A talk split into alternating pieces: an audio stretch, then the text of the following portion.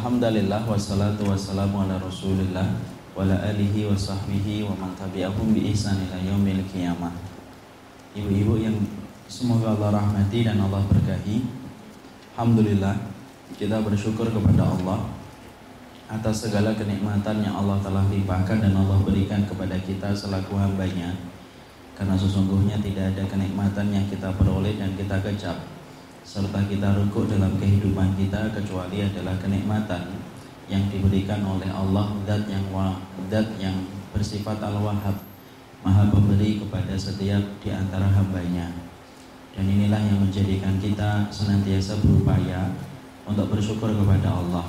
Karena barang siapa orang yang hidupnya berbasiskan kepada ilmu diberikan kemudahan di dalam ibadah dan ketaatan maka akan mudah dan lapang jalannya menuju kepada surganya Allah. Dan semoga kita termasuk orang yang diberikan oleh Allah kehidupan dengan basis ilmu dan senantiasa diberikan kemudahan dalam setiap ibadah dan ketaatan yang kita lakukan di dalam hidup.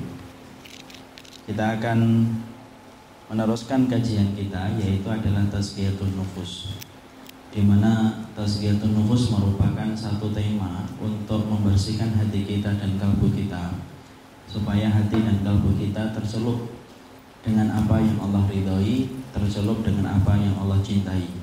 Karena sesungguhnya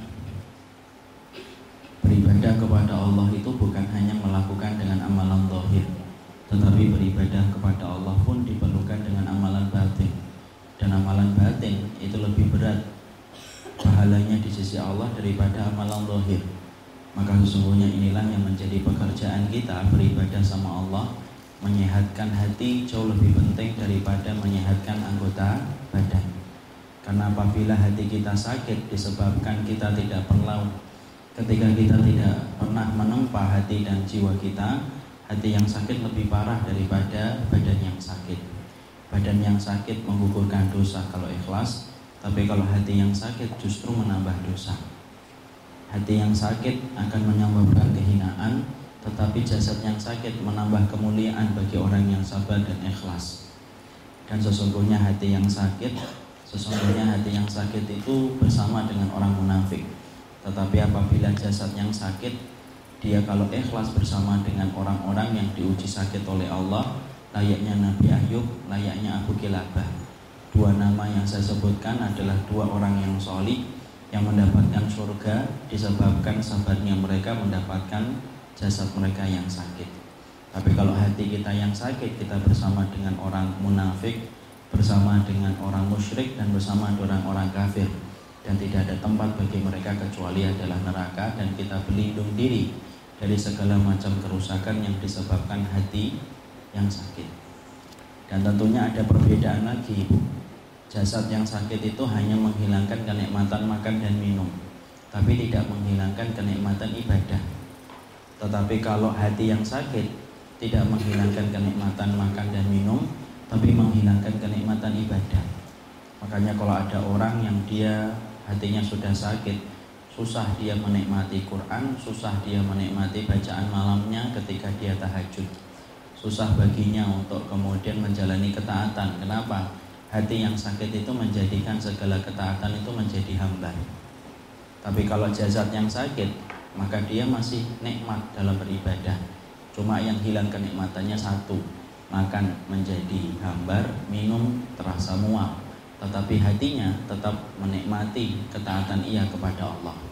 Inilah yang menjadikan kita mengerti sungguh jasad yang sakit lebih ringan daripada hati yang sakit dan hati yang sakit salah satu sebabnya karena dia kurang menempa jiwanya, menempa kalbunya dengan proses pembersihan jiwa yang disebut tazkiyatun nufus dan inilah yang kita khawatirkan ketika hatiku dan hatimu tercelup di dalam penyakit maka akan menjadikan rusak ibadah kita kepadanya. Maka kita akan teruskan kajian kita.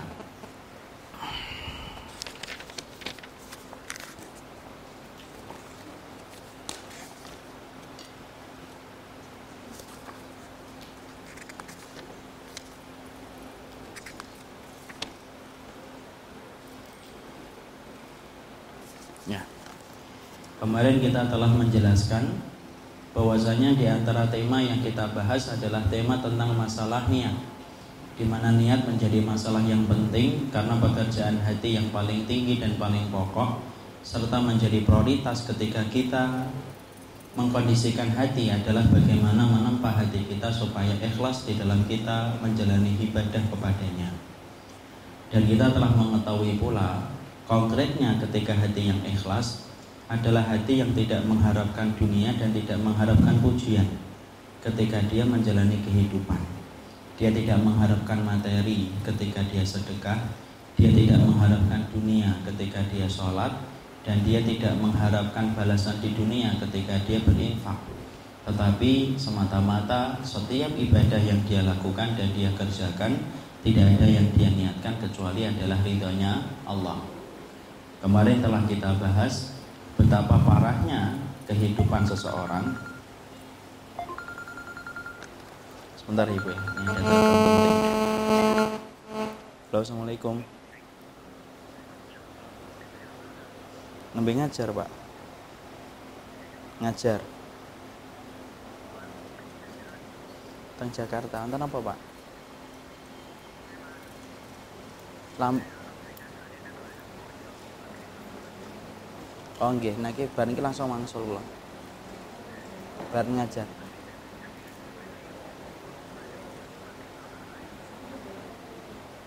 Oh, ngoten nggih.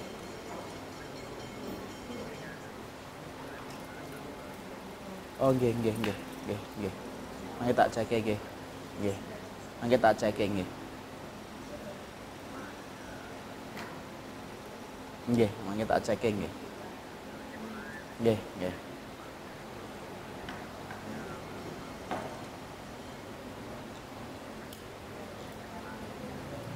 Oh nggih.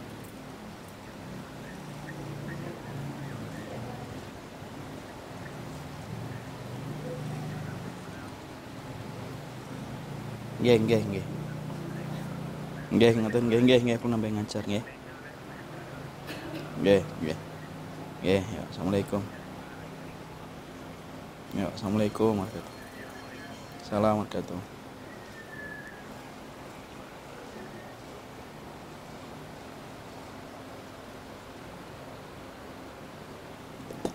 Bismillah. Afan, ada telepon penting. Kita akan lanjutkan maka setelah kita mengetahui pada mukadimah yang pertama tentang kondisi hati yang ikhlas adalah hati yang mengharapkan ridhonya Allah, tidak mengharapkan dunia dan materi, karena ibadah itu tidak boleh dihargai dengan sekeping niatan dunia. Di mana banyak sekali masyarakat muslim yang hari ini ketika mereka belum mengetahui ini, banyak di antara kita yang menyelipkan niatan dunia ketika mereka beribadah. Mengusap kepala anak yatim supaya proyeknya berhasil. Mengundang anak yatim supaya usahanya yang dia ritis menjadi berhasil gemilang. Semua perkara itu seakan-akan memberikan kepada kita makna beribadah tetapi niatannya untuk dunia. Dan itu merupakan salah satu perkara yang berlawanan dengan sifat keikhlasan bahwasanya ibadah kita hanya untuk mengharapkan ridhanya Allah dalam kehidupan kelak di akhirat yaitu adalah surga tidak bisa ditebus dengan dunia, tidak perlu ditebus dengan proyek dan apa yang kita rintis karena sesungguhnya Allah paling benci kalau ridhonya itu disamakan dengan niatan dunia. Padahal dunia di sisi Allah tidak sebanding dengan sayap seekor nyamuk dan Allah paling benci kepada manusia yang menyamakan ridhonya dengan sayap seekor nyamuk yang Allah tidak hargai sama sekali.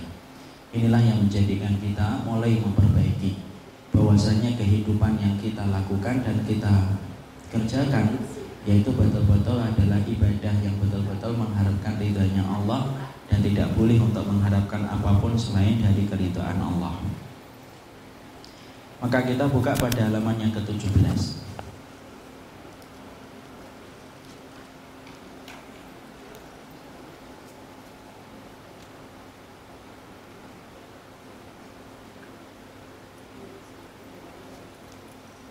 Sudah.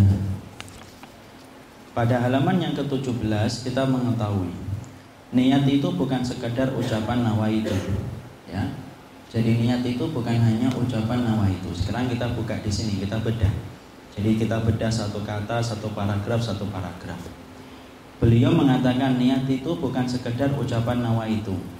Jadi akhirnya kita mengetahui kalau niat tidak perlu kita ucapkan. Karena sesungguhnya niat itu tidak perlu disampaikan dengan lisan. Hanya satu kali niat itu diucapkan. Kapan niat itu perlu diucapkan? Yaitu ketika kita akan melaksanakan haji ataupun umroh. Labbaika Allahumma labbaik. Maka sesungguhnya kita ketika waktu haji baru mengucapkan dan melafalkan niat. Tetapi dalam perkara-perkara selain itu tidak ada tuntunan satupun dari hadis ataupun riwayat yang sahih yang dicontohkan oleh Rasulullah bahwasanya Rasulullah mengucapkan ni niat.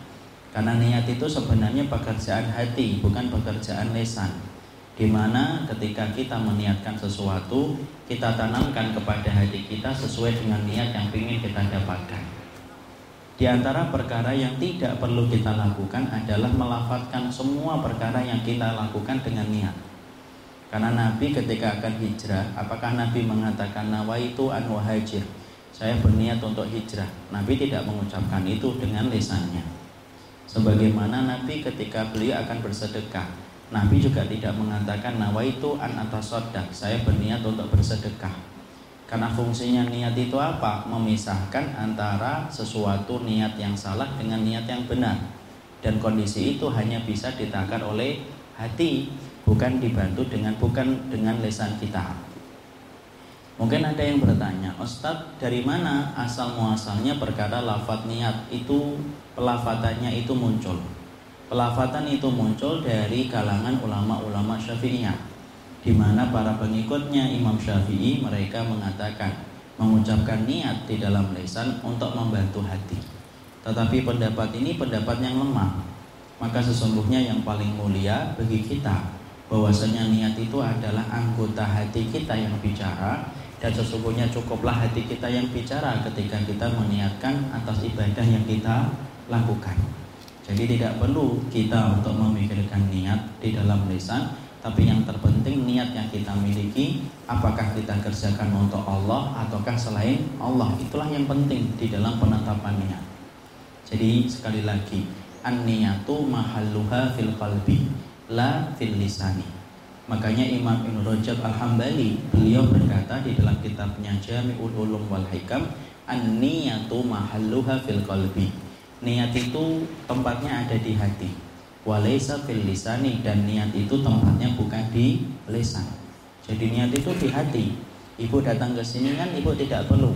itu an ata'allama, nawaitu an ata'allama ma'a Ustadz Umar lillahi ta'ala. Saya berniat datang untuk belajar sama Ustadz Umar kitab tazkiyatun nufus karena Allah. Kan tidak perlu. Lagian juga pasti repot dan pasti tidak hafal doanya. Tapi yang paling penting bukan karena tidak hafal, tapi karena memang hakikatnya ibu datang ke sini ingin mendapatkan ilmu supaya apa yang salah menjadi benar, apa yang kurang benar menjadi benar ketika kita niatkan semata-mata karena Allah. Karena fungsinya niat memisahkan niat yang salah supaya muncul niat yang benar. Jadi bukan pekerjaan lisan. Ya. Tetapi kalau kita mendapati ada saudara-saudara kita yang masih ngotot untuk kemudian mereka menggunakan pelafatan niat dalam satu ibadah sampaikan dengan cara yang lembut sampaikan dengan cara yang baik. Karena mungkin mereka belum mengetahui bagaimana hakikatnya. Tetapi kita berikan ruang toleransi bahwasanya itu memang di antara pendapatnya syafi'iyah. Walaupun kita tetap yakin niat itu tidak perlu dilafatkan di dalam lisan. Tapi niat itu yang paling penting hatimu yang bicara itulah niatmu yang sesungguhnya ya. Nah, sekarang di sini lalu kemudian beliau menyampaikan lebih dari itu ia adalah dorongan hati seiring dengan futuh pembukaan dari Allah. Kadang-kadang ia mudah dicapai, kadang-kadang dia sulit untuk dicapai. Seseorang yang hatinya dipenuhi dengan urusan din akan mendapatkan kemudahan dalam menghadirkan niat untuk berbuat kebaikan. Di sini kemudian beliau menyampaikan sesungguhnya untuk mengarahkan niat hanya hanya terarah kepada Allah itu bukan sesuatu yang gampang. Terkadang gampang, terkadang susah. Kadang-kadang ibu ketika meniatkan sesuatu dari ibadah yang ibu lakukan, dan niatnya adalah untuk karena Allah semata itu jatuh bangun kita menghadirkan niat. Contoh dalam masalah kompleksitas masalah rumah tangga. Ibu kemudian ketika berkhidmat sama suami, maka terkadang ibu ikhlas apa pun yang ibu terima. Tapi terkadang kita susah untuk ikhlas ketika kita mendapatkan apa yang kita bayangkan tidak sesuai dengan harapan kita. Maka di sini beliau pun mengatakan semacam itu. Sesungguhnya ketika menempatkan niat dan menempa hati kita di dalam niat yang benar, itu terkadang kita mendapatkan hal itu mudah, tapi terkadang itu sulit.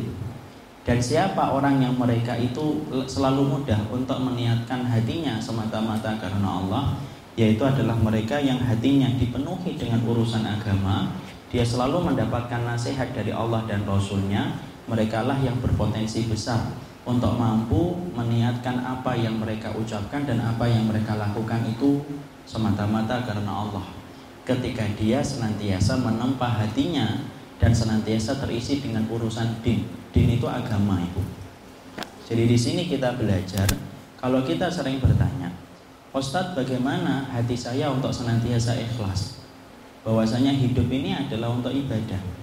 Hidup ini adalah untuk Allah maka beliau menyampaikan di sini orang yang senantiasa hatinya sibuk dengan urusan din, hatinya sibuk dengan urusan agama, maka dialah yang lebih mudah terbantu hatinya untuk selalu menghadirkan Allah dalam setiap niat yang dia miliki. Kalau memang betul-betul dia niatkan karena Allah ketika sibuk dengan urusan agama. Jadi kalau ibu ingin mendapatkan niat itu selalu hangat, ikhlas karena Allah, jangan pernah jauh-jauh dari majelis ilmu karena sesungguhnya majelis ilmu merupakan bagian dari din untuk mengingatkan kita. Makanya ibu perhatikan orang yang jauh dari majelis ilmu selalu berbeda sikapnya, karakternya dengan orang yang dekat dengan orang yang di majelis ilmu. Jujur deh ibu, kalau ibu kenalan sama orang baru, kemudian ibu satu dua menit tiga menit ngobrol, ibu langsung tahu orang ini adalah orang yang sering datang ke kajian, orang ini adalah jarang datang ke kajian.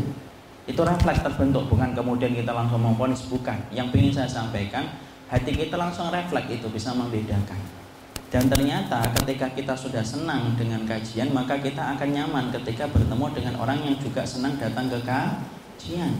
Dan ketika datang akhirnya apa? Seringnya datang ke kajian itu upaya untuk menghangatkan hati kita, supaya hati kita sibuk dengan urusan agama Allah karena orang yang sibuk dengan urusan agama Allah maka lebih mudah untuk ikhlas ketika dia selalu tertempa dan mendapatkan nasihat dari Allah dan Rasulnya makanya biasanya biasanya gimana kalau kita habis datang kajian maka kita kan berubah ada yang berubahnya 5 menit ada yang berubahnya 10 menit ada yang berubah makan snack pisang goreng kejunya langsung lupa tapi ada yang tiga hari, empat hari, dia masih aja. Ada yang lima hari, ya, ada yang sampai seminggu, tapi kemudian akhirnya luruh kembali. Kenapa kayak gitu, Ustaz?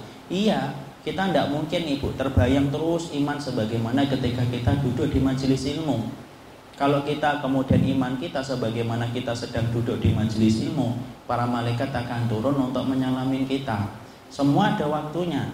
Makanya kadang kita teringat kembali bagaimana kewajiban kita di dalam agama, kadang-kadang itu hilang, luruh, luntur setelah berlalunya waktu. Datang kembali ke kajian, kembali lagi mendapatkan nasihat supaya hati kita hangat kembali ketika kita mendapatkan kesibukan memikirkan agama Allah pada ayat dan sunnah-sunnahnya.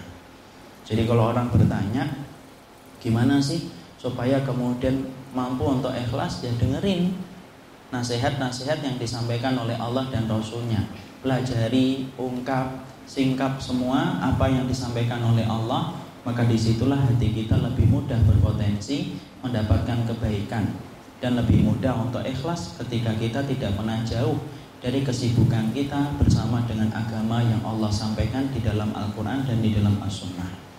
Ya, pasti deh orang yang jauh dari majelis ilmu itu jauh lebih sulit untuk ikhlas. Tapi orang yang dekat dengan majelis ilmu maka lebih mudah untuk ikhlas walaupun itu bukan jaminan mutu 100%. Tapi kalau ada orang yang mengatakan belum tentulah orang yang dekat majelis ilmu paling ikhlas. Kita menjawab, Kalau yang dekat majelis ilmu aja belum tentu ikhlas, apalagi yang jauh dari majelis ilmu. Jadi kalau tingkat keikhlasan ibu menjadi istri di dalam keluarga mulai hilang luntur, tidak usah ke mana-mana, datang aja ke kajian, duduk. Dengarkanlah apa yang disampaikan ketika menampaikan kitabullah dan sunnah. Maka hati kita akan mendapatkan nutrisi, kekuatan, Walaupun itu cuma 30%, 40%, tapi biasanya itu sudah bermanfaat untuk menutupi kelunturan dari apa yang telah kita hilang dari beberapa waktu sebelum kita datang ke kajian. Betul apa yang disampaikan oleh beliau. Maka di sini kemudian dilanjutkan. Mari kita baca kembali. Sebab ketika hati telah condong kepada pangkal kebaikan, maka ia pun akan terdorong untuk cabang-cabang kebaikan. Maka sebaliknya orang yang hatinya dipenuhi dengan kecenderungan kepada gemerlap dunia, maka akan mendapatkan kesulitan besar untuk mencapainya. Beliau kemudian menyampaikan, kalau orang itu sebaliknya, dia datang, dia orang yang tidak menyibukkan dirinya pada agama Allah. Tapi dia menyibukkan dirinya datang pada gemerlap gemerlap dunia. Dia datang kepada tempat-tempat yang riuh dan gaduh dalam urusan dunia maka orang yang datang ke tempat-tempat semacam itu yang menawarkan senyuman berlandaskan dari syahwat, maka orang semacam itu ketika kita berkumpul sulit untuk kita ikhlas. Jadi akhirnya apa? Karena dia tidak pernah mendapatkan nasihat di tempat-tempat yang semacam itu. Makanya sang pengarang, sang penyusun buku ini mengatakan siapa pun yang sering datang ke tempat-tempat yang gemerlap dengan dunia, sulit akan menempa dirinya di dalam keikhlasan. Karena yang terbayang-bayang itu adalah urusan dunia dan urusan dunia. Orang yang sering datang ke tempat-tempat yang riuh dengan dunia ibu, maka akhirnya apa? Dunia itu semakin besar di pelupuk mata kita. Semakin memikirkan dunia, semakin rendah nilai surga. Tapi sebaliknya, semakin kita memikirkan surga, semakin rendah nilai dunia. Tergantung yang menyibukkan kalbu kita dan apa yang ada di balik mata kita itu yang penting. Jadi kalau kita sudah sibuk mikirin surga, dunia itu tidak ada harganya kan kita misalkan ditipu sudah ada apa-apa nanti dapat gantinya di surga ketika kita mendapatkan semua rencana-rencana kita gagal tidak sebagaimana yang kita bayangkan maka kita selalu ingat dunia selalu ingat surga kalau orang ingat surga maka akan tampak rendah nilai dunia tapi sebaliknya orang yang selalu mikirin dunia maka orang yang selalu memikirkan tentang urusan dunia maka akan rendah nilainya surga Makanya mereka-mereka coba orang kalau sudah mabuk kepayang dengan dunia, orang mabuk kepayang dengan dunia itu surga itu seakan-akan tidak ada harganya. Dan ibu harus paham, tidak ada penipu yang paling ulung dalam kehidupan kita kecuali adalah kecuali adalah dunia. Jadi jangan pernah menganggap penipu yang paling ulung itu koruptor, preman di perempatan jalan, bukan itu. Tapi sesungguhnya tidak ada penipu yang paling ulung dalam kehidupan orang yang beriman kecuali adalah dunia. Karena memang dunia itu menipu banget. Dan itulah yang menjadikan akhirnya gagalnya kita dalam keikhlasan ketika selalu mengikuti arahnya dunia itu ke mana. Dan dunia itu ibaratnya meminum air di lautan semakin banyak bukan semakin mengenyangkan semakin banyak akan semakin membuat kita haus makanya sampai-sampai Allah itu ibaratkan dunia itu kayak air Allah kan ibaratkan dunia itu kayak air kenapa karena salah satunya kalau kamu mendapatkan dunia itu kayak air, semakin kamu bermain-main, semakin kamu basah. Karena apa? Karena itulah fitnah dunia dan tidak ada penipu yang paling ulung kecuali dunia. Kita buka di dalam surat Al-Kahfi.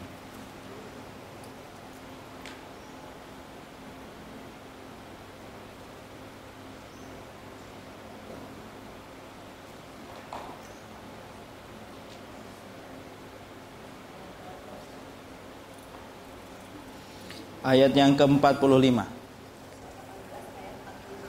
Iya, dibaca yuk.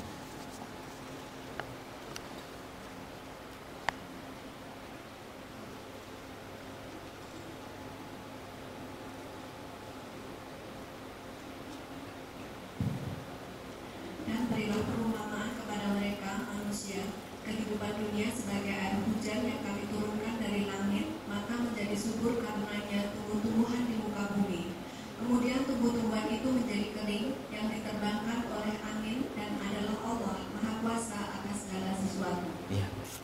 Allah menyampaikan pada ayat ini wadrib lahum masalal hayatid dunya kama in anzalnahu minas sama fakhtalata bihi nabatul ardi dan kemudian buatkanlah contoh bahwasanya perumpamaan dunia itu sebagaimana air hujan yang kami turunkan bercampur dengan tumbuh-tumbuhan di atas muka bumi. Ibu sekarang saya tanya, kenapa Allah itu ibaratkan dunia itu kayak air?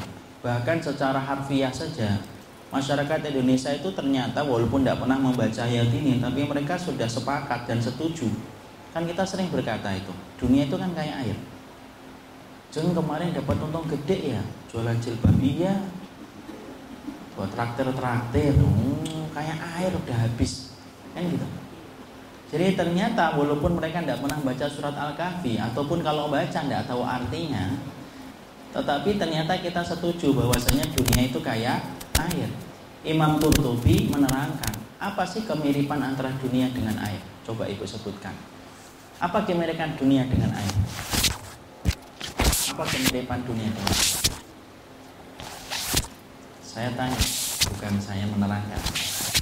Apa kemiripan dunia dengan air?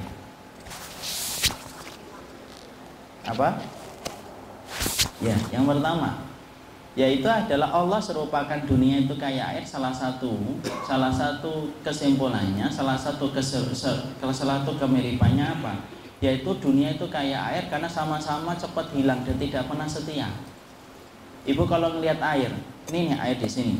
Kemudian kesenggol tumpah ke bawah. Apakah kemudian air itu akan bertahan di gelas tidak mau jatuh ke bawah itu bergelayutan? Tidak bisa pasti dia langsung turun ke bawah setiap turun ke bawah hilang sudah diserap oleh tanah. Sama dengan dunia.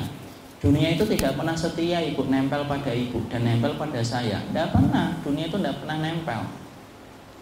Ada nggak dunia yang nempel pada kita? Tidak ada. Kita ingin mengeluarkan 100 ribu kemudian pati murahnya menggelayut di kantong kita tidak mau kita pakai. Karena apa? karena mereka juga tidak pernah setia ibu mati ya ibu ditinggal. Sudah ibu ngumpulin dunia ya. Selalu minta hadiah terus dari suaminya. Ketika meninggal ya sudah menjadi milik ahli warisnya. Dan tidak ada yang mau menemani ibu ketika ibu sudah berkalang tanah di alam barzah Kenapa? Ya dunia itu kayak air, ya tidak pernah setia. Kemudian dunia itu menguap. Kenapa? Sama dengan air itu menguap. Kalau kita tidak pandai-pandai untuk memperlakukan dunia ya kayak air. Air itu kan menguap. Sama dengan dunia kalau kita tidak pandai-pandai menempatkan pada tempat-tempat yang Allah ridhoi, maka tidak ada faedahnya ketika sudah menguap. Coba, kalau kita sudah mati di hari kiamat, apakah dunia itu memberikan faedah untuk kita? Tidak. Tidak usah lama-lama deh ibu. Ketika sakaratul maut aja sudah dunia itu tidak ada, tidak ada harganya. Makanya Allah kemudian serupakan dengan air. Yang ketiga adalah dunia itu kalau berlebihan justru malah kemudian merusak bagi orang yang beriman. Kalau berlebihan, kalau nggak memiliki iman yang kuat, dunia yang berlebihan itu merusak ibu. Sama kan kayak air ibu. Air itu kalau ibu mendapatkan air, yaitu satu bak di kamar mandi, cukup, enak buat istinja enak, buat istijmar enak, dan buat yang lainnya juga enak. Tapi kalau ibu mendapatkan air bukan satu bak, ibu mendapatkan airnya satu rumah, anda ada bisa ngapa-ngapain. Makanya ada itu di kawasan Bekasi. Saya ngomong di sini banjir ya Ustaz.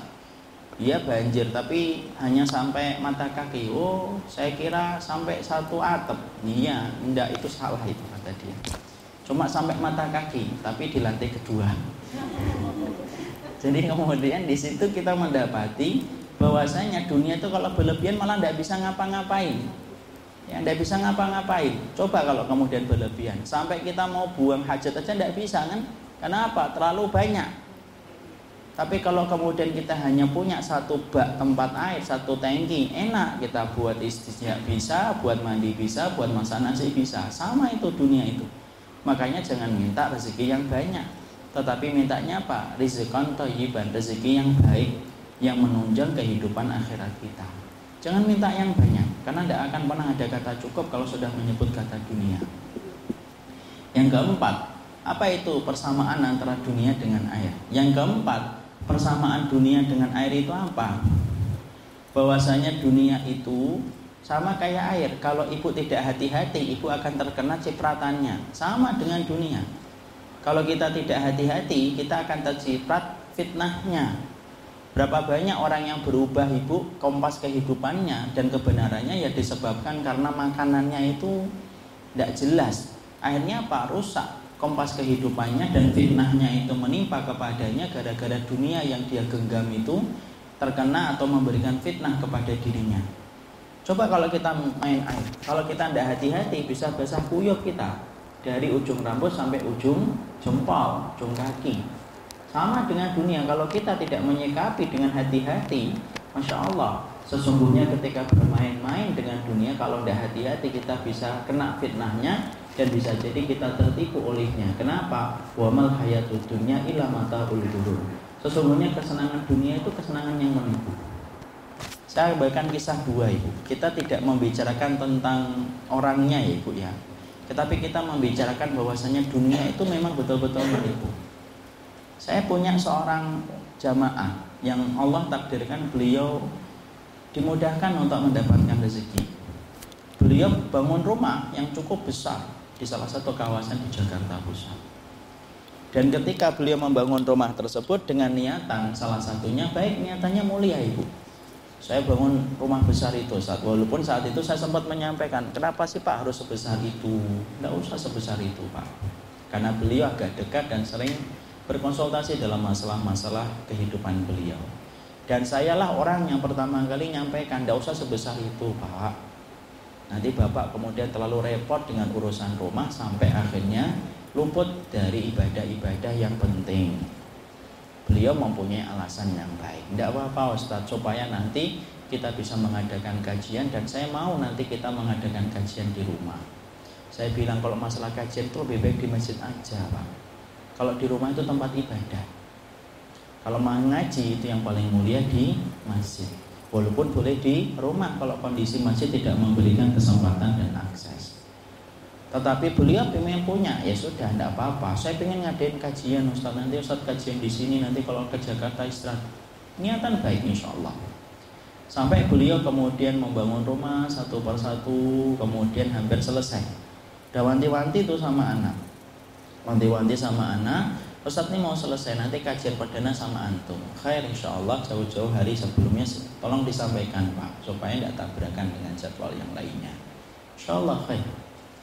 Sampai kemudian tinggal beberapa hari ibu Rumah itu sudah mau jadi. Dan kemudian sudah mulai diisi dengan barang-barang. Beliau bersama istrinya Sudah membeli barang-barang dan kodarullah belum punya keturunan. Beliau pergilah ke Makassar. Pergi ke Makassar. Dan ternyata di Makassar beliau mendapatkan serangan jantung. Dan akhirnya beliau meninggal dunia di Makassar. Dan belum pernah menempati rumah yang beliau bangun dengan susah payah kita tidak membicarakan beliau karena insya Allah niatnya baik. Tapi yang kita bicarakan apa? Itulah dunia.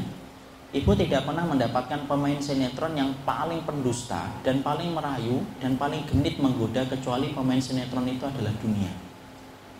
Sehingga kemudian akhirnya apa? Kita sering tertipu dengan dunia sendiri. Coba ibu, dunia dan setan itu mereka berkoalisi untuk kemudian selalu menghambat jalan kita menuju kepada surga. Setan dan dunia itu berkoalisi dan mereka setia dan tidak pernah bercerai. Sesuatu yang tidak pernah bercerai dalam kehidupan orang yang beriman itu apa? Koalisi antara setan dengan dunia itu koalisi sejati dan koalisi cinta yang romantis. Itu koalisi setan dengan koalisi dunia. Makanya mereka menghabat kita terus. Kita mau infak satu juta, tiba-tiba di perjalanan kita ngelihat ada boneka lucu, ah adalah 700 ribu aja, 300 ribu beli boneka. Itu termasuk salah satu contohnya kayak gitu. Di situ kita mendapati apa? Di situ kita mendapati Masya Allah betapa dahsyatnya kehidupan dunia itu. Karena apa? Persis dengan apa yang disampaikan oleh Allah Tidak ada penipu paling ulung dalam kehidupan kita kecuali adalah dunia. Sambilkan lagi kisah nyata yang kedua. Kisah nyata yang kedua Saya punya seorang saudara. Ketika beliau itu sampai menderita sakit yang cukup berat Yaitu kanker. Paru-paru maka kemudian ketika sakitnya semakin berat, sakitnya semakin berat. Dan beliau itu punya rumah yang cukup besar. Untuk ukuran seseorang yang seorang diri itu bahwasanya itu terlalu besar itu. Ya. dan beliau belum punya istri dan tidak punya keturunan. Maka saya ketika ditakdirkan untuk berkunjung menjenguk beliau, saya mendapati beliau, menjenguk beliau dan saya dapati beliau. Saya memberanikan diri untuk ngomong. Ya, ya artinya saya manggilnya Lek, Lek, paman. Ini kan apa sakitnya semakin berat. Terus kemudian belum punya istri, belum punya anak. Maka saya menyampaikan kepada beliau gini aja gimana. Ini rumah dijual yang besar ini nanti kita ganti dengan rumah yang kecil. Sisanya kita pakai untuk membangun kelas-kelas di pondok. Karena apa? Selama kelas itu dipakai, maka selama itu pula akan mengalir pahala untuk aman. Karena apa? Karena itu menggantikan tangan-tangan manis dari seorang wanita yang bisa yang biasa mendoakan seorang suami ketika meninggal dunia dan menggantikan tangan-tangan mungil anak-anak kita yang belum yang tidak mendoakan kita kalau kita belum punya keturunan. Maka saya menata pelan-pelan dan saya sudah minta sama Allah supaya kata-kata ini sampai kepada hatinya beliau. Ibu tahu jawaban beliau apa? Beliau sambil ngeliatin itu. Ya, dan beliau itu punya kamarnya cukup besar. Dari semua rumah besar itu yang dia pakai hanya satu kamar aja saja. Laki-laki ibu. Laki-laki kan tidak bisa ngatur rumah. Ya paling-paling membersihkan bisa, ngepel bisa, nyapu bisa tapi ngatur rumah ratunya itu wanita, itu tidak bisa kemudian kita nafikan. Maka kemudian yang ngeliatin begitu. Lalu kemudian beliau komentarnya singkat. Adalah nak, biarkan aja. Ini pemberian dari bapak dan ibu. Saya bawa sampai mati. Karena kalau kita orang Jawa ibu, kita tidak boleh nyalain. Orang Jawa itu selalu berprasangka bahwasanya peninggalan orang tua itu adalah peninggalan yang harus kita rawat sampai kita mati. Itu keyakinan, walaupun kurang benar. Nah saya mencoba untuk menyampaikan kembali kepada beliau, Lek, paman, kalau ingin berbakti sama mbah, ingin berbakti sama bapak dan ibu, caranya bukan dengan kita mempertahankan rumahnya, tapi caranya dijual saja, tapi bermanfaat untuk kita. Justru itulah yang lebih bermanfaat. Kalau kemudian bapak dan ibu kita mendapati rumah ini sudah tidak ada, mereka sudah berpindah ke alam barzah kok dan saya yakin Bapak Ibu udah juga tidak ngurusin rumah karena mereka sudah pindah ke alam dunia yang lainnya. Tapi keyakinan itu ya karena beliau sudah mendapatkan dari kecil yang tidak bisa kita merubah dengan instan kan. Intinya beliau menolak. Ternyata tidak butuh waktu yang terlalu lama, ternyata Allah menakdirkan bahwasanya paman saya ini kemudian akhirnya beliau meninggal dunia. Insya Allah. Dalam keadaan tidak ada istri, tidak ada keturunan, rumah itu yang besar itu akhirnya apa ibu? Rumah yang besar itu akhirnya menjadi apa? Menjadi warisan. Diwariskan kepada kakak-kakaknya, adik-adiknya. Di mana saya tahu, saya tahu. Tidak semua kakak-kakaknya cocok dengan beliau, tidak semua kakak-kakak dan adiknya itu sependapat dengan beliau. Tapi yang namanya namanya kakak, namanya adik kandung, dapat warisan atau tidak? Dapat walaupun kemudian dia tidak sependapat. Karena apa? Paman ini tidak punya istri tidak punya anak. Akhirnya apa? Jatuh ke kakak dan a, adik. Padahal yang dihisap atas harta itu walaupun dikasihkan ke orang lain yang dihisap siapa? Yang meninggal itu. Yang meninggal itu. Di situlah kita akhirnya oh ya Allah. Saya saya insya Allah menghormati beliau dengan apa yang beliau pilih. Bahwasanya beliau itu ingin menghormati apa yang ditinggalkan orang tuanya tapi pelajaran yang pengen saya ambil dari kisah yang pertama dan kisah yang kedua itu apa? Itulah yang kita dapatkan. Wamal hayatud dunya illa mataul gurur. Kamu akan dapati sebuah penipu yang paling ulung dalam kehidupan kita dan itu adalah dunia penipu yang paling ulung dalam kehidupan kita. Makanya menjadikan kita akhirnya paham. Orang yang sudah terikat dengan hiruk pikuk dunia terus akhirnya apa? Lemah komitmennya kepada perjuangan. Lihat aja ibu, tidak usah jauh-jauh. Santri, kalau kemudian yang dilihat itu, misalkan santri yang dilihat itu adalah tayangan-tayangan dunia terus, cita-citanya pasti rendah. Cita-citanya pasti dunia saja. Tapi kalau kemudian santri selalu ikut kepada kepada kebaikan, berjuang kepada orang yang berjuang, selalu cita-citanya tinggi untuk menegakkan agama Allah. Kenapa? Hati kita akan tersibukkan dengan apa yang ada di sekitar kita. Makanya kalau ibu bersama dengan orang yang selalu ngomong dunia terus walaupun kita kadang-kadang bersama mereka untuk menjaga komunikasi, hati-hati tidak ada pertahanan yang paling ibu jaga saat itu kecuali apa? Hatinya ibu. Kalau tidak, ibu akan melihat pesona dunia yang dia bawa beda dengan pesona dunia yang ibu miliki. Ibu akan tertarik. Ibu kemudian lihat pertama kali apa? Sepatunya. Ibu melihat apa? Tasnya. Ya kan? Akhirnya kemudian kalau kita tidak kuat, ya akhirnya kemudian kita jatuh. Hilang itu keinginan kita untuk beribadah kepada Allah, keinginan kita berganti hanya untuk menggenggam dunia itu saja. Ya, makanya betul yang disampaikan oleh beliau. Sebaliknya, orang yang hatinya dipenuhi dengan kecenderungan kepada gemerlap dunia, maka dia mendapatkan kesulitan untuk mencapai keikhlasan hati. Ya, bahkan dalam mengerjakan yang wajib untuk menghadirkan niat dengan baik dia bersusah payah. Bahkan hanya untuk kemudian dalam perkara yang wajib dia itu bersusah payah kalau sudah dengan dengan nilai dunia orang yang sudah gemerlap dengan dunia. Contohnya gimana ibu? Nah, kita ambilkan contoh. Ya, Masya Allah ya, setiap kata-kata yang disampaikan beliau itu semuanya mutiara.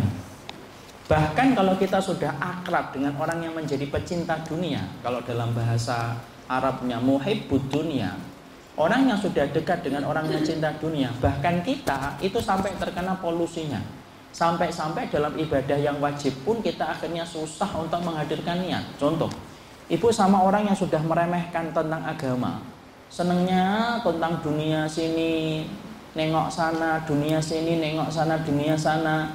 Sampai-sampai ketika ibu mengatakan saya mau sholat nih ada. Maka ibu akan sulit. Kenapa? Ah, enggak enak, sungkan. Dia kan lebih kaya daripada saya. Ah, dia kan jabatannya lebih tinggi. Mosok sih saya memerintahkan mobil berhenti. Wong dia yang kemudian yang ngajak saya. Tuh.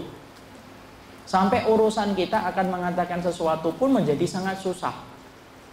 Makanya kalau kita mampu, ibu maaf, bergaulah dengan orang yang punya dunia tetapi dia itu orang yang solih. Kenapa? Nikmal malu lirajuli solih. Sebaik-baik harta adalah harta yang dimiliki oleh orang yang solih. Kita akan mendapatkan kebaikan darinya ketika tertular dengan kebaikan.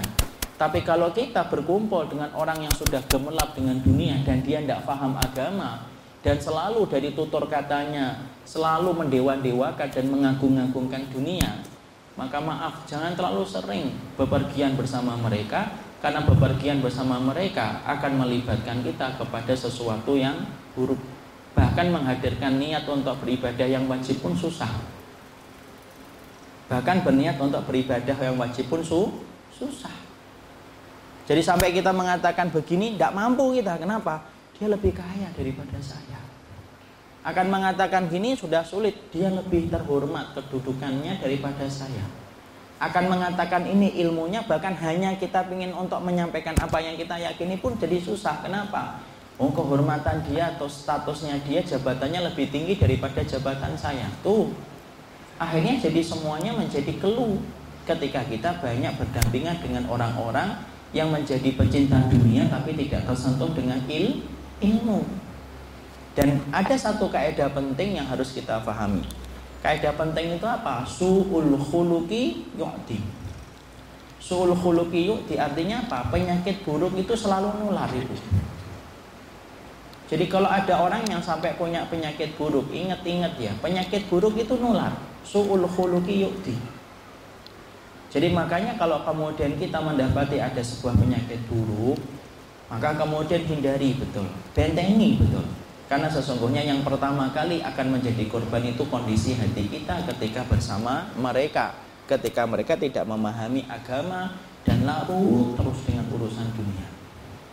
Biasanya orang yang bertobat, kenapa orang yang bertobat banyak yang gagal? Ya karena sulitnya dia menghilangkan atau sulitnya dia untuk mencari komunitas, untuk mengganti komunitas yang sebelumnya. Disebabkan apa? Ya karena masih tertarik dengan dunia dan dunia. Makanya sekali lagi saya katakan kepada diri anak sendiri dan kepada ibu masing-masing. Tidak ada penipu yang paling ulung dalam kehidupan kita kecuali adalah dunia. Sekarang kita bahas. Kita buka pada halaman yang ke-18.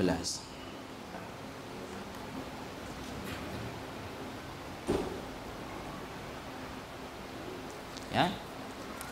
Pada halaman yang ke-18 kita baca, Umar bin Khattab radhiyallahu anhu meriwayatkan Umar bin Khattab radhiyallahu anhu meriwayatkan bahwasanya Rasulullah sallallahu alaihi wasallam bersabda, "Innamal a'malu binniyati wa innamal likulli imri'in ma nawa." Faman kanat hijratuhu ila Allah wa rasulihi fa hijratuhu ila Allah wa rasulihi. Wa man kanat hijratuhu ila dunya yusibuha aw imra'atin yankihuha fa hijratuhu ila ma hajara ilaihi. Diterangkan Hadis yang disampaikan dari Umar bin Khattab ini hadis yang disebut dengan sepertiga dari seluruh hadisnya Nabi itu intinya pada hadis Umar bin Khattab. Makanya disebut dengan sulusul sunnah yaitu sepertiga dari seluruh kehidupan intinya hadis Rasulullah itu terangkum pada hadis dari Umar bin Khattab radhiyallahu anhu. Rasulullah SAW menyampaikan innamal a'malu binniyat segala sesuatu dari segala amal itu tergantung kepada niatnya. Barang siapa yang niatnya itu kepada Allah dan Rasulnya maka dia mendapati Allah dan Rasulnya. Dan barang siapa yang niatnya itu untuk dunia yang dia dapatkan ataupun perempuan yang dia ingin nikahi maka sesungguhnya dia mendapatkan apa yang dia niatkan. Sekarang lihat ibu, kita akan membahas tentang satu hal yang indah. Perhatikan hadisnya. Sekarang tolong buka hadisnya. Dilihat hadisnya. Di situ dikatakan faman kanat hijratuhu ilallahi wa rasulihi fa hijratuhu ilallahi wa rasulihi. Nabi menyebut kata Allah dua kali dan Nabi menyebut kata Rasul dua kali. Berapa? Dua kali kan? Barang siapa yang hijrahnya untuk Allah dan Rasulnya maka dia akan mendapati Allah dan Rasulnya.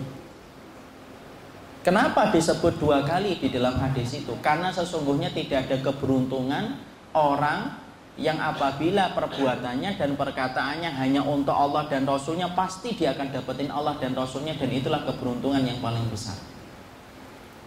Tapi perhatikan ibu, ketika Allah menyebut kata, ketika Allah menyebut kata apa itu dunia dan Allah menyebut kata imroah, imroah itu perempuan. Ketika Allah menyebut kata dunia dan wanita pada hadis ini, Allah cuma sebutkan sekali.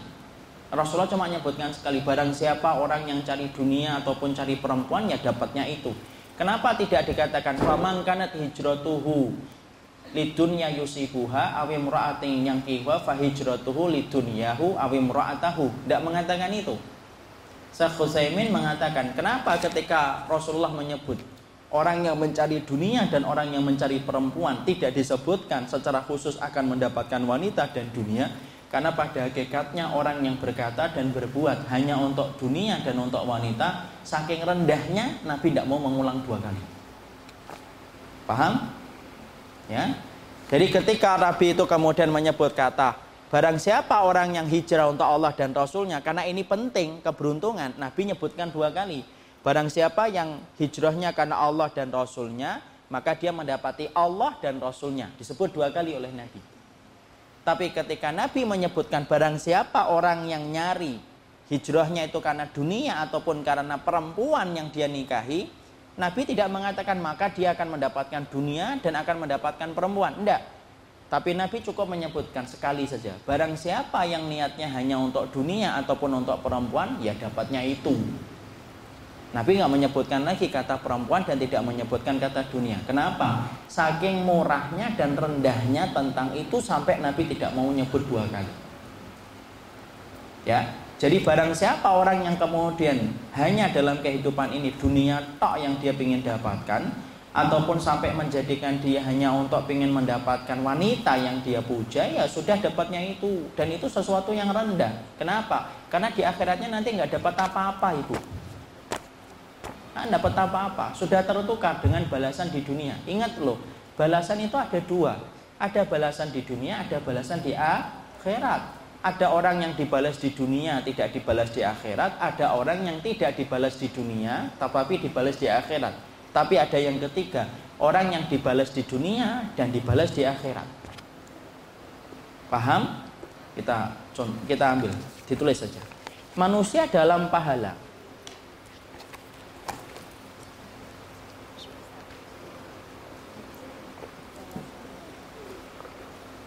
manusia dalam pahala. Ada yang di diberi ada yang diganti oleh Allah di dunia diganti oleh Allah di akhirat. Ini orang yang beruntung-beruntung. Tapi bukan hanya mereka saja yang beruntung. Orang yang diganti di dunia diganti di akhirat. Ya contohnya ibu infak. Satu juta langsung mendapatkan satu m gantinya tapi itu tidak menghilangkan keikhlasan ibu nanti kemudian balasan di akhiratnya lebih dahsyat ada yang kedua, orang yang beramal, beribadah, pahalanya tidak diganti oleh Allah di dunia tetapi diganti oleh Allah di akhirat. Artinya apa? Dia beribadah gitu, tapi nggak diganti oleh Allah di dunia. Tetapi Allah menggantinya di akhirat. Contohnya siapa ibu? Contohnya siapa? Contohnya Abu Bakar. Abu Bakar itu termasuk salah satu pemilik harta yang mana hartanya itu dipuji Nabi. Kenapa? Semua harta yang ditanam oleh Abu Bakar itu tidak dibalas oleh Allah di dunia, tapi dibalas oleh Allah kelak nanti di akhirat. Ya. Makanya kemudian Nabi kalau sudah menyebut hartanya Abu Bakar itu tidak ada yang keluar dari beliau dan hatinya kecuali kekaguman kepada hartanya Abu Bakar. Ada yang ketiga, orang yang diganti di dunia, orang yang diganti di dunia, tapi tidak diganti di akhirat. Contohnya siapa ini? Contohnya orang kafir ataupun orang yang meniatkan ibadahnya hanya untuk dunia tok. Makanya dia diganti di dunia tapi tidak mendapatkan balasan di akhirat.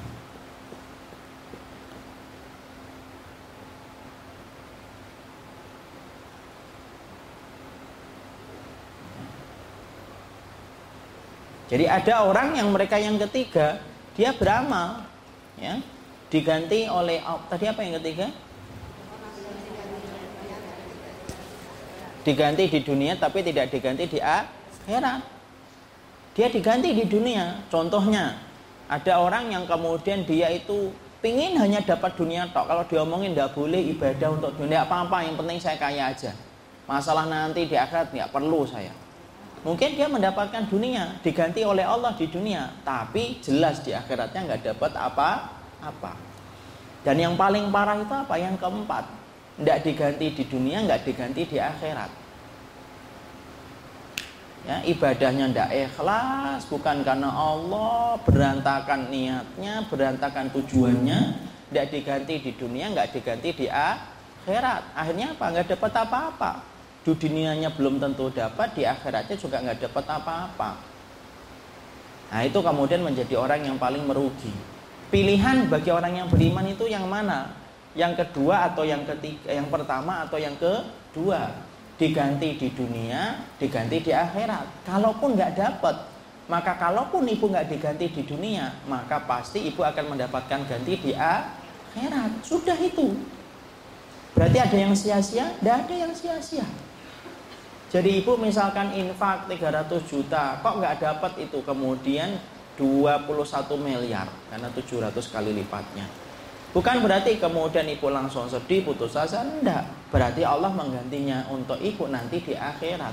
Dan orang yang diganti di akhirat itu enak. Kenapa? Berarti kemudian betul-betul nanti ketika mendapatkannya itu betul-betul nikmat karena sudah menunggu dengan lama. Contoh gampangnya, ibu sekali sama-sama minum. Saya ini minum nih, satu gelas dari tadi tidak habis-habis nih. Ya. Kenapa? Ya karena kemudian saya sudah minum sebelumnya makanya tidak terlalu butuh minum. Coba kalau kemudian saya minumnya ini nanti jam 6 ketika saya puasa, misalkan hari Senin ini saya puasa. Apa yang terjadi? Kalau saya betul-betul puasa, mungkin tidak usah nunggu 5 menit juga sudah butuh 3 gelas. Kenapa? Nikmatnya terasa. Kadang-kadang Allah itu menahan ibu, Allah tahan berbagai macam pahala yang pingin kita dapatkan. Kenapa sih Allah tahan untuk kita tidak dikasihkan di dunia? Karena Allah memerintahkan kamu nunggu, tunggu sebentar. Nanti di akhiratnya kamu akan merasakan nikmatnya. Makanya masya Allah itulah yang menjadikan kita paham kenapa sih orang orang yang beriman itu kok ujiannya banyak, tidak selesai-selesai. Kan? Karena saya pernah ditanya Ustadz kenapa ya ujian orang yang beriman itu banyak? Loh dengan Allah memberikan ujian itu pertama supaya dia itu paham dunia itu bukan tempat yang nyaman. Coba kalau orang yang beriman itu tidak pernah dikasih dengan oleh Allah ujian, akhirnya terlalu nyaman di dunia, tidak butuh akhirat. Amat terlalu nyaman di dunia. Makanya orang yang beriman, kenapa kok dikasih ujian itu kayak hujan deras, disambung dengan petir, halilintar, kilat, tidak selesai-selesai. Karena kemudian Allah itu ingin menanamkan kepada orang yang beriman, jangan terlalu nyaman di dunia. Karena tempatmu nanti adalah di surga. Yang kedua, kenapa Allah berikan ujian bagi orang yang beriman itu terus menerus, tidak selesai-selesai? Yang kedua, supaya nanti balasannya ketika di akhirat lebih terasa kita rasakan nikmatnya daripada ketika kita diberikan pahala di dunia. Itulah nikmatnya. Mengapa orang yang beriman mereka akhirnya diberikan ujian yang besar? Karena Allah berikan gantinya nanti di akhirat. Ya. Jadi di situlah kita memahami Itulah yang menjadikan akhirnya Nabi mengingatkan kita Perhatikanlah niat karena sesungguhnya niat itu merupakan perkara yang sangat mahal kedudukannya di sisi Allah Dan Allah itu paling benci kalau hati kita bercabang ya. Jadi kalau hati kita kemudian sampai tidak ikhlas itu hakikatnya hati kita bercabang dan Allah paling benci kepada hati yang bercabang meniatkan Allah dan meniatkan selain Allah dari setiap perkataan dan perbuatan. Kemudian kita baca. Imam Syafi'i berkata, hadis ini merupakan sepertiga dari ilmu. Nah, tadi saya katakan kan, hadis itu intinya ada berapa ibu? Saya pernah nyampaikan enggak? Hadis-hadis yang disampaikan oleh Rasulullah SAW itu intinya ada tiga hadis. Hadis yang pertama, hadis Umar bin Khattab masalah niat. Mau ditulis? Sudah atau belum? Belum ya, ya sudah ditulis. Hadis-hadis yang kemudian datang dari Rasulullah, eh hadis yang datang dari Rasulullah itu intinya ada tiga hadis.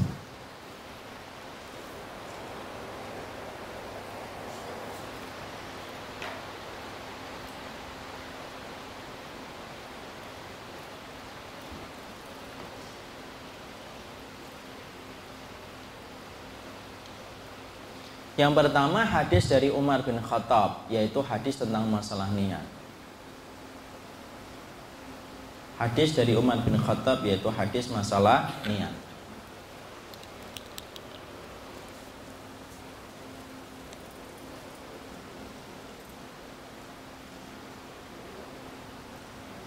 Sudah? Yang kedua, hadis dari Aisyah radhiyallahu anha, hadis masalah ittiba.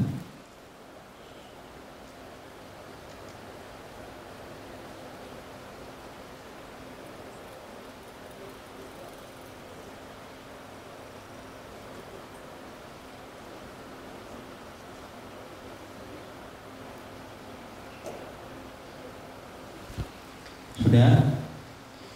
Yang ketiga, hadis dari Nu'man bin Bashir menjaga harta dari yang haram dan syubhat. Nu'man bin Bashir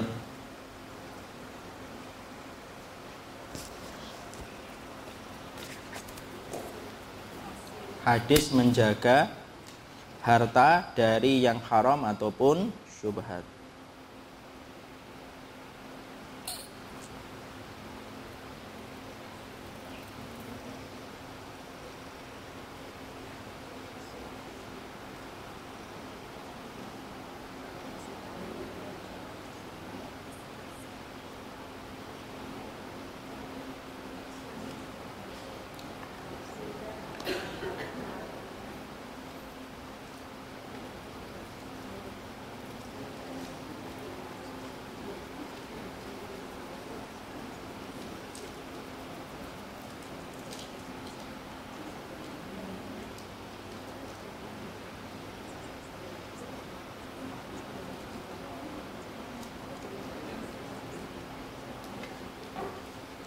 Sudah?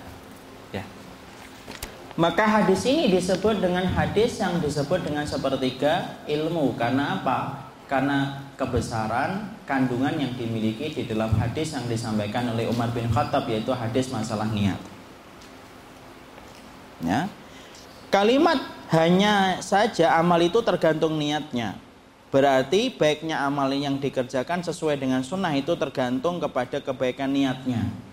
Jadi artinya segala sesuatu tergantung kepada niatnya, artinya adalah segala sesuatu perbuatan tergantung kepada niatnya. Makanya akhirnya kita mengetahui Ibu. Urusan yang pertama kali dihisap oleh Allah dalam urusan kita nanti pada waktu di akhirat itu urusan apa dulu yang akan dilihat oleh Allah? Urusan ilmu kita dulu. Urusan ilmu kita dulu. Kalau ilmu kita sudah merujuk kepada Nabi baru ditimbang ikhlasnya. Makanya kemudian dari dari kemudian Malik bin Anas berkata, Inna hadal ilm lahmuka wa damuka wa anhu tus'alu yamal. Makanya dikatakan oleh Malik bin Anas, persoalan ilmu, ilmu itu apa? Qala Allah, qala Rasul, perkataan Allah dan Rasul. Itu persoalan yang ibaratnya kayak darah dan daging kamu, itu penting banget. Wa anhu tus'alu yamal qiyamah dan itulah pertama kali yang akan ditanyakan oleh Allah Kenapa Allah bertanya dulu tentang ilmu kita dulu? Karena kalau ilmu kita sudah benar sebagaimana Nabi baru ditimbang ikhlasnya seberapa.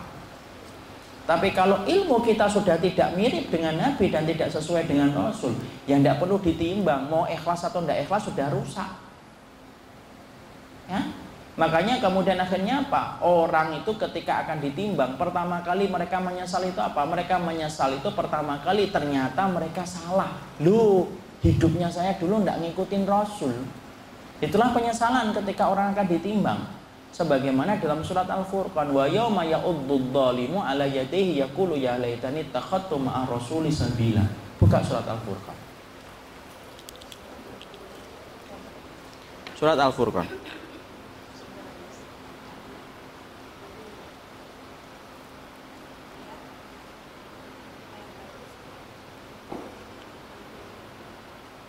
Sudah? Yaitu surat ke-27. Ayat ke-27. Surat Al-Furqan, suratnya surat ke-25. Surat ke-25 ayat yang ke-27, 25 27. Sekali-kali pakai bahasa Inggris. Cuma 25-nya doang ya. Enggak usah dilanjutin.